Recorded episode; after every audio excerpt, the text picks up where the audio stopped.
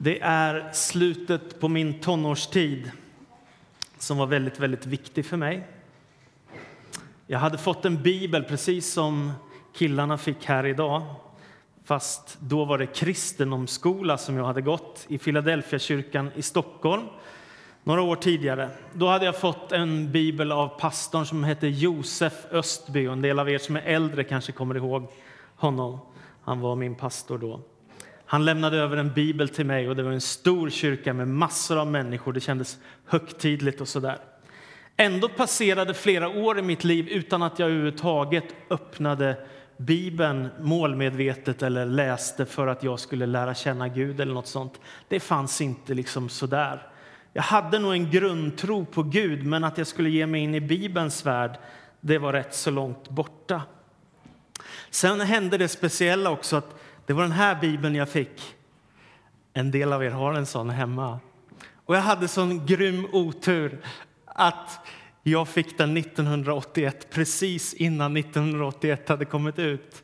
Förlåt, 1917 är en jättebra bibelöversättning. Men, men för mig som var ung och läste i skolan Vara stilla så blev det liksom Hallå, vad har detta med mitt språk och mitt liv att göra?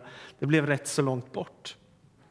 Men sen var det någon människa, jag har faktiskt inte en aning om vem det är, som gav mig en liten röd bok som hette Dessa bibelord har hjälpt mig.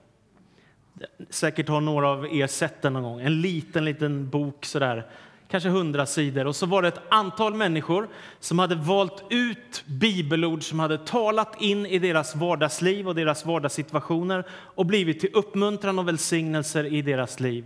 Så helt plötsligt så ser jag liksom när jag tittar tillbaka här att jag har börjat använda Bibeln och från den här röda boken så hoppade jag hit och slog upp de här bibelställena och så strök jag under lite grann. Så där, så där började jag trevande in i Bibelns värld.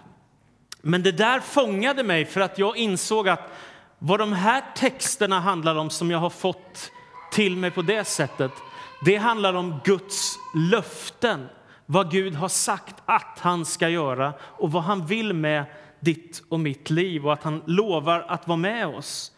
Och Det gjorde att jag började bli fascinerad av bibelläsning.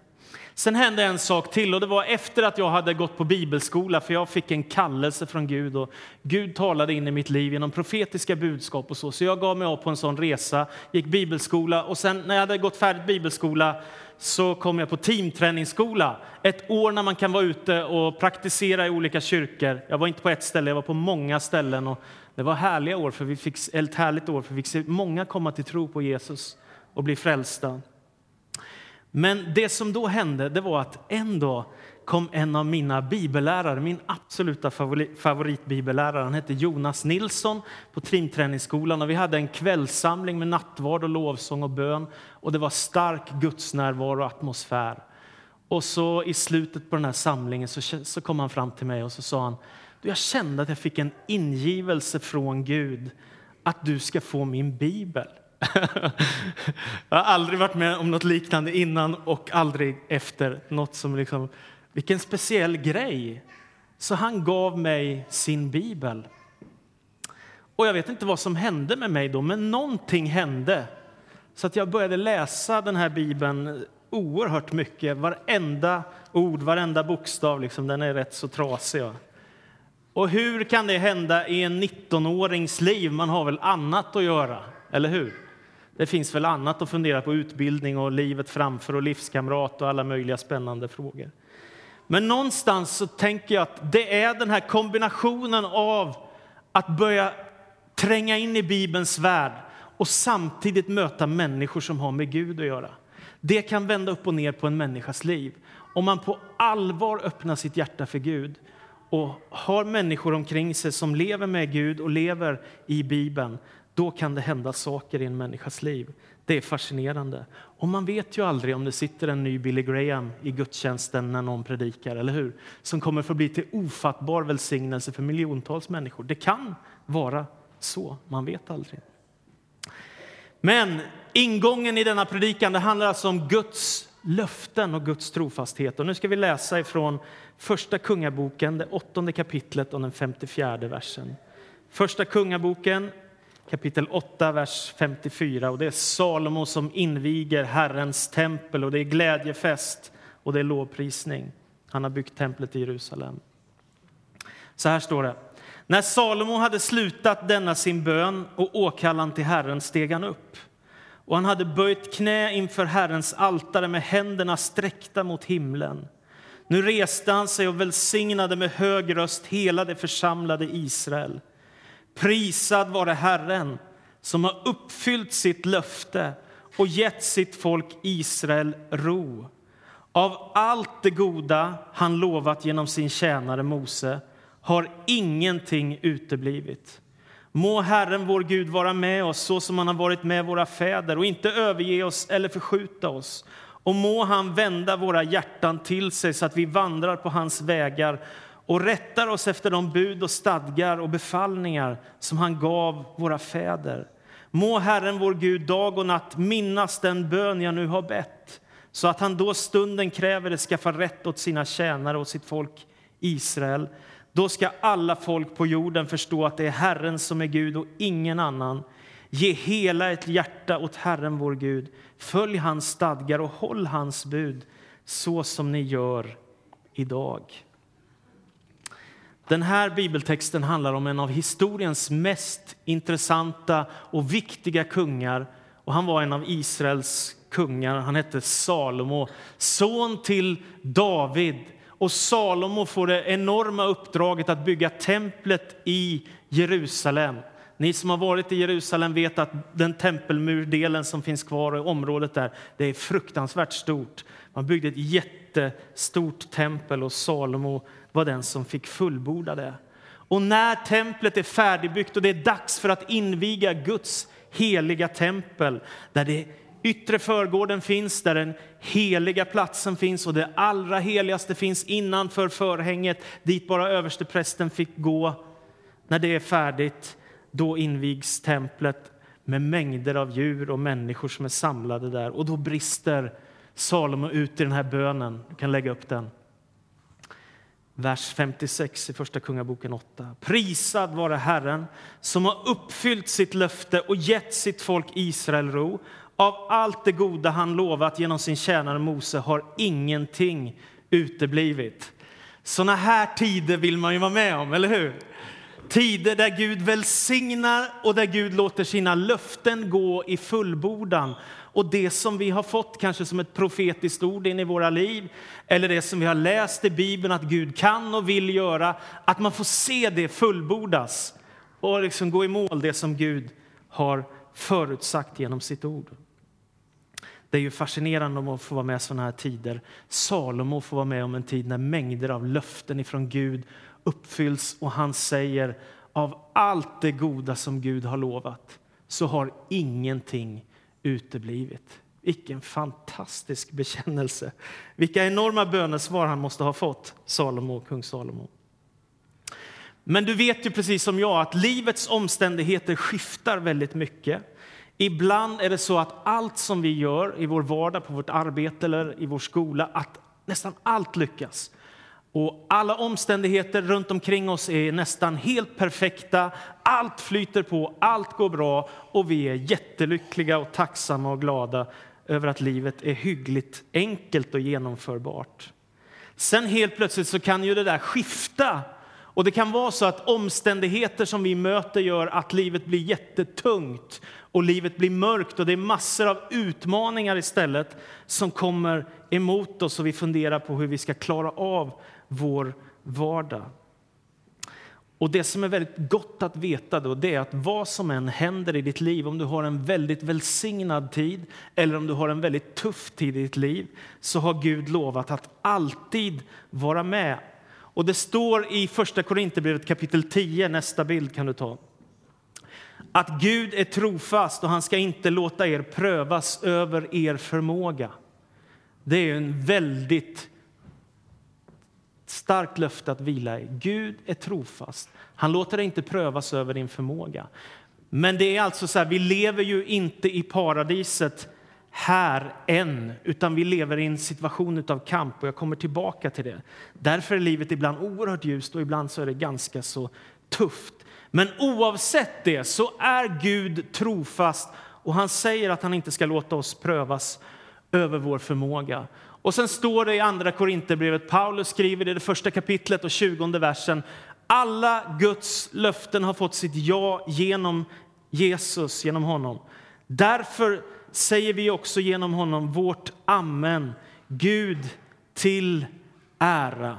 Och I den engelska bibelöversättningen står det For no matter how many promises God have made they are yes in Christ. Alltså hur många löften Gud än har gett så har de fått sitt ja i Jesus Kristus. Han har kommit för att fullborda allt det som Gud har förberett och sagt profetiskt och en dag ska han till sist segra helt och fullt. Så hur är det nu? Nästa bild. Jo, det är så här att Guds rike är här redan nu, men ännu inte i sin fulla härlighet. Är ni med? Och vad beror det på? Jo, det beror på att människan i begynnelsen bröt Guds vilja, vände sig bort från Gud, vandrade bort från Gud, hamnade under förbannelse och tomhet och levde precis, helt plötsligt ett liv som inte alls var det som Gud hade tänkt ifrån början, nämligen i hans vilja och i hans kärlek. Men sen sänder han Jesus Kristus, Guds son, till oss. Och då står det i Matteus 12 och 28 säger Jesus, om det är med Guds ande jag driver ut demonerna, då har Guds rike nått er. Och det är ett helt fantastiskt budskap. Inte nog med att Jesus konfronterar ondskan och segrar över ondskan, utan dessutom så säger han, om det är så att jag gör detta med Guds rikes kraft, då har Guds rike nått er. Det vill säga, genom Jesus Kristus så finns Guds rike i världen tillgängligt genom den helige Andes kraft och närvaro. Men vi väntar fortfarande på den stora dagen när Jesus kommer tillbaka och vi ska få en ny himmel och en ny jord och allt det där härliga som väntar. Det ligger framför.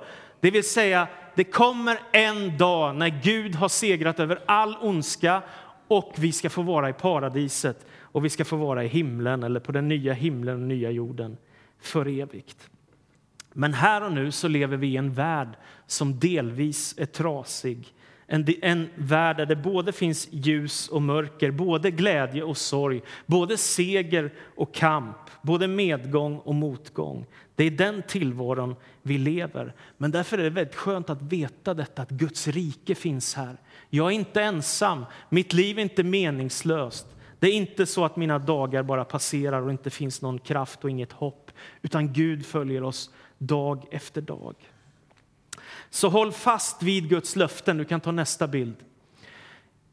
I fjärde Moseboken, det 23 kapitlet, det blir många bibelord och jag hoppas att ni gläder er över det. Det är liksom en poäng med detta, se att Gud är trofast. I fjärde Mosebok 23 och 19 så säger Herren, Gud, eller så sägs det om Herren, Gud är ingen människa, han ljuger inte, han är ingen dödlig som ändrar sig. Vad han har sagt, det gör han, vad han har lovat, det håller han. Har du tänkt på att de löften som vi kan ge, de är under ganska många liksom, alltså, förutsättningar. Det vill säga, jag gör detta om jag är frisk. Jag kommer om inte jag liksom har problem med bilen. Jag, jag ska göra detta om. Så är det väldigt ofta. Och det värsta av allt, vi som är föräldrar, det är när vi lovar våra barn saker. Har ni tänkt på det? Det glömmer de aldrig av någon märklig anledning, utan det ska de alltid komma ihåg. Och sen så dras det där upp om man missar att fullfölja någonting som man har lovat. Barnen glömmer aldrig vad föräldrarna lovar. Det är mycket märkligt. Man skulle behöva ha någon medicin för det där. ja, så är det. Men i Bibeln finns det också två typer av löften. Det kan ju vara viktigt att veta. För det första finns det löften som Gud lovar att göra och genomföra oavsett vad hans folk gör. Det vill säga om de lever efter hans vilja, följer hans bud, älskar honom av hela sitt hjärta eller inte, så kommer Gud ändå att fullborda detta. Vad kan det vara för saker? Jo, men som till exempel att han välsignar Abraham i Första Mosebok, det tolfte kapitlet. Då säger Gud, oavsett omständigheterna, jag ska välsigna dig och göra ditt namn så stort att det brukas när man välsignar. Alltså Gud lovar Abraham ett löfte som han kommer att fullborda om ett folk, om ett land, om en släkt, om en son oavsett vad Abraham gör. Bara en liten parentes, det tog 25 år innan han fick svaret. Det är väl sådär lagom frustrerande. 25 år fick han vänta. Nummer två, det är nämligen detta att Gud ger också löften som kan ha med villkor att göra. Det vill säga, Gud säger om du gör detta så skall jag. Till exempel, hur blir man kristen? Hur blir man frälst? Jo, säger Romarbrevet kapitel 10, vers 9. Om du med din mun bekänner att Jesus är Herre och ditt hjärta tror att Gud har uppväckt honom från de döda så skall du bli räddad. Det vill säga, om du gör detta, då finns ett löfte. Om du bekänner Jesus som din Herre så finns ett löfte att du blir räddad för tid och evighet och att Gud förbereder himlen för dig. Att ditt namn skrivs i livet bok, Livets bok, att dina synder blir förlåtna, att du blir ett Guds barn om du bekänner, står det. Hur kan man då veta att man kan lita på Guds löften? Nästa bild. Det har att göra med vem Gud är. Hur kan man lita på Gud? Jo, nämligen på grund av detta. För det första, att Gud är trofast. Har du tänkt på vad många sånger är som vi sjunger som handlar om det? Gud är trofast. Så göd sången. På dig, min Gud, förtröstar jag. Alltså det bygger på att Gud är trofast och god, att han inte förändras. För det andra att Gud är kärleksfull, att han vill vårt allra bästa och därför så kan vi lita på hans ord. För det tredje att Gud är allsmäktig och mäktig, att han har förmåga att göra det som han vill göra. Därför kan du lita på hans ord. Och det kanske allra mest fantastiska, Gud är närvarande överallt, säger Bibeln. Han finns överallt. Och kung David han säger, tar jag med en boning ytterst i havet så är du där. Far jag upp till himlen är du där. Åker jag ner till dödsriket är du där. Det vill säga, Gud är närvarande överallt. Det finns ingenstans du kan vara där inte Gud kan vara med sin närvaro. Så jag hoppas du inser att du är välsignad. När du tar emot Jesus Kristus som din Herre och Frälsare så händer någonting i ditt liv. Och därför säger Hebreerbrevets författare i kapitel 10, vers 23. Låt oss orubbligt fortsätta att bekänna vårt hopp. Till han som gav oss är löftena är trofast. Han som gav oss löftena är trofast. Ibland händer det att någon av mina vänner, det kan vara någon från församlingen eller någon annan, skickar ett bibelord till mig på min mobiltelefon eller smartphone som det heter nu för tiden. Det tycker jag är en fantastiskt fin sak. Att man får som en liten hälsning. Tänk på detta just nu i ditt liv. Gud är god, Gud är trofast, han vill ditt allra bästa. Och så kan det vara en särskild hälsning. Det har hänt mig många gånger. Jag är så tacksam för det. Nu ska jag rada upp ett helt gäng med bibelord som säger vad Gud vill göra genom sina löften. Och Emil, du kan väl spela lite stilla så kan ni bara lyssna nu. Ta in, vad är det Gud har lovat? Jag skickar med massa saker ganska fort. Bara öppna ditt hjärta för Guds ord. Han har lovat att omsluta oss på alla sidor och bära oss i sina händer.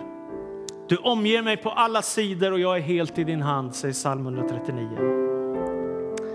Han har lovat att vara med oss alla dagar. Jesaja 41 och 10. Var inte rädd, jag är med dig. Ängslas inte, jag är din Gud. Jag ger dig styrka och hjälper dig, stöder dig och räddar dig med min hand. Han har lovat att hjälpa oss. Psalm 121, vers 1. Jag ser upp mot bergen. Varifrån ska min hjälp komma? Hjälpen kommer från Herren som har gjort himmel och jord. Han har lovat att förlåta oss. Första Johannes 1 och 9. Om vi bekänner våra synder är han trofast och rättfärdig så att han förlåter oss synderna och renar oss från all orättfärdighet.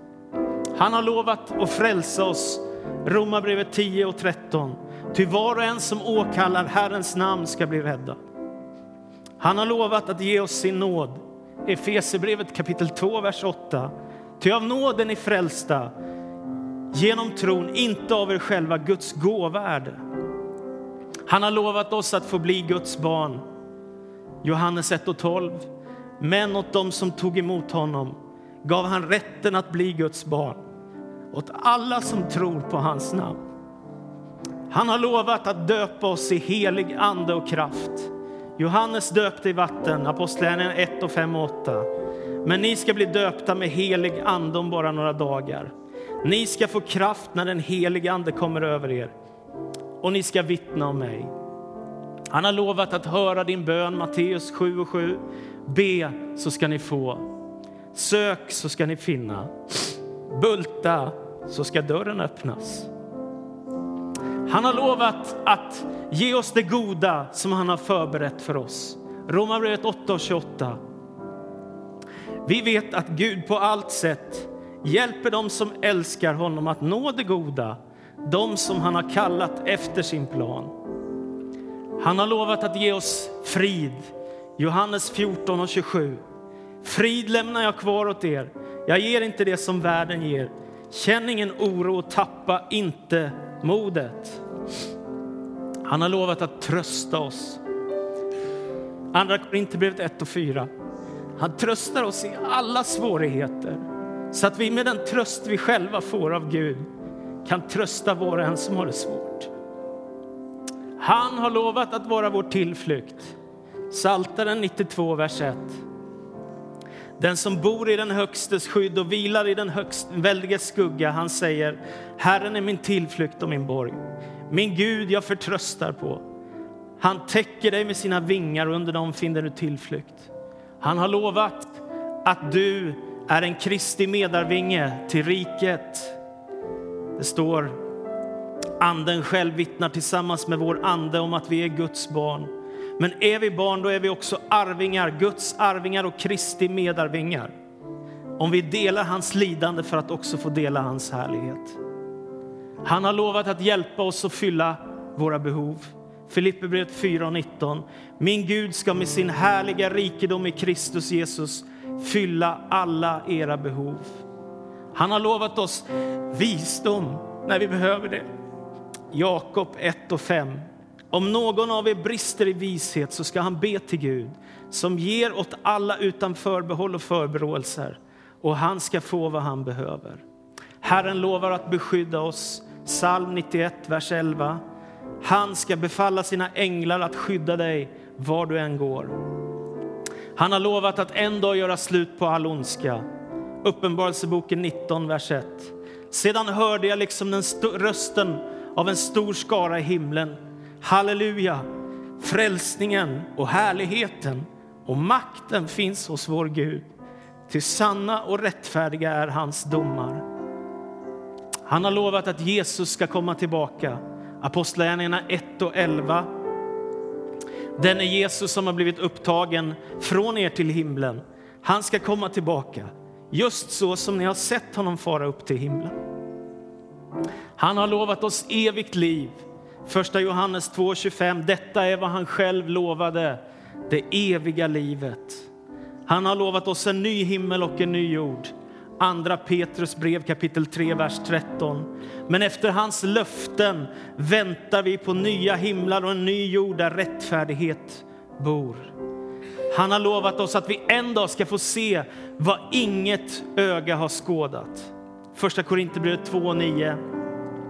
Vi förkunnar som det står i skriften, vad inget öga har sett och inget öra har hört och ingen människa har anat, det som Gud har berett åt dem som älskar honom.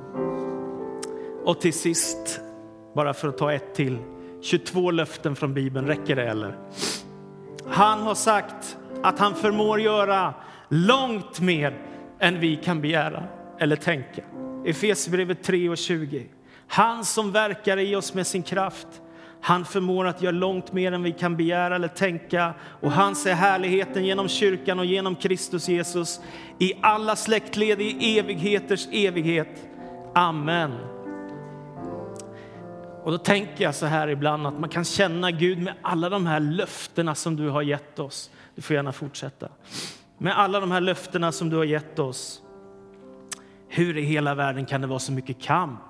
Hur kan det vara så många prövningar och varför ska jag gå igenom det här eller det här? Du vet hur vi kan tänka som livet. Men då tänker jag på en av de mest välkända berättelserna som finns. Fotspår i sanden. Säkert har många av er hört den berättelsen. En man som drömmer en dröm att han vandrar på stranden och så ser han hur Gud sätter sina fotspår bredvid honom. Och så går en lång sträcka och så helt plötsligt kommer en mycket svår prövning i livet. Och så ser han i sanden att det blir bara ett par fotspår. Och så tänker han, Gud, hur kunde du överge mig i min svåra situation? Och det är då han får ett tilltal ifrån Gud. Jag har inte övergett dig. Det var då jag lyfte upp dig på mina axlar och jag bär dig igenom din prövning. Tänk, så tror jag att det är.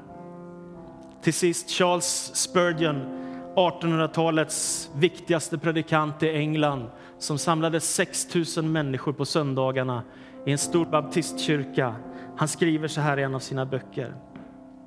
Guds löften är dyrbara för att de berättar om viktiga och dyrbara saker. Vi har löften i Bibeln som tiden inte räcker till för att återupprepa. Löften som är ovärdeliga. De tar upp varje sak som människans själ behöver. Löften om förlåten synd, löften om rening och helighet, löften om undervisning, löften om vägledning, löften om att bära oss, löften om att förädla oss, löften om framsteg, löften om tröst, löften om fulländling.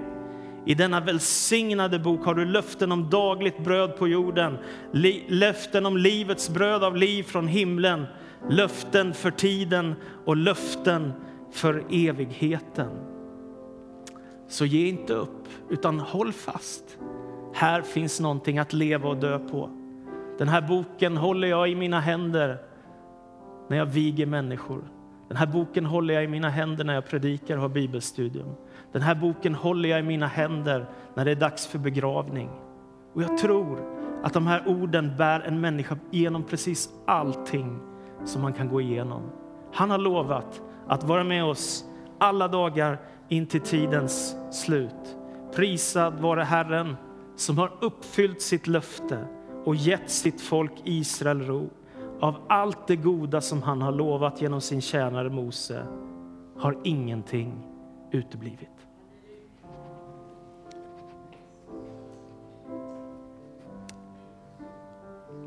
Jesus Kristus, vi längtar efter att människor ska se vem du är och hur mycket kraft du har. Att du kan förlåta oss om vi så har gjort de värsta synder. Att du kan rena oss när vår klädnad är så fläckad och så smutsig, Herre. Och när vi är så sjuka som vi är ibland, Herre, så kan du också höra vår bön. Jesus Kristus, förbarma dig över oss. Vi ber om att detta skulle vara en plats av upprättelse, helande, läkedom, befrielse och frälsning, Herre. Vi ber att vår församling skulle få vara en församling som vibrerar utav din kärlek, Herre. Som är fylld utav din kraft, som älskar dig av hela hjärtat och som vill leva ut det som du har kallat oss till, Herre. Ja, vi är bara vanliga bräckliga människor här i Karlstad i Värmland 2016, men vi längtar efter mer av dig, Gud. Vi längtar efter mer av din kraft, Herre. Så kom helige Ande och rör vid oss. Jag ber om det i ditt namn. Amen.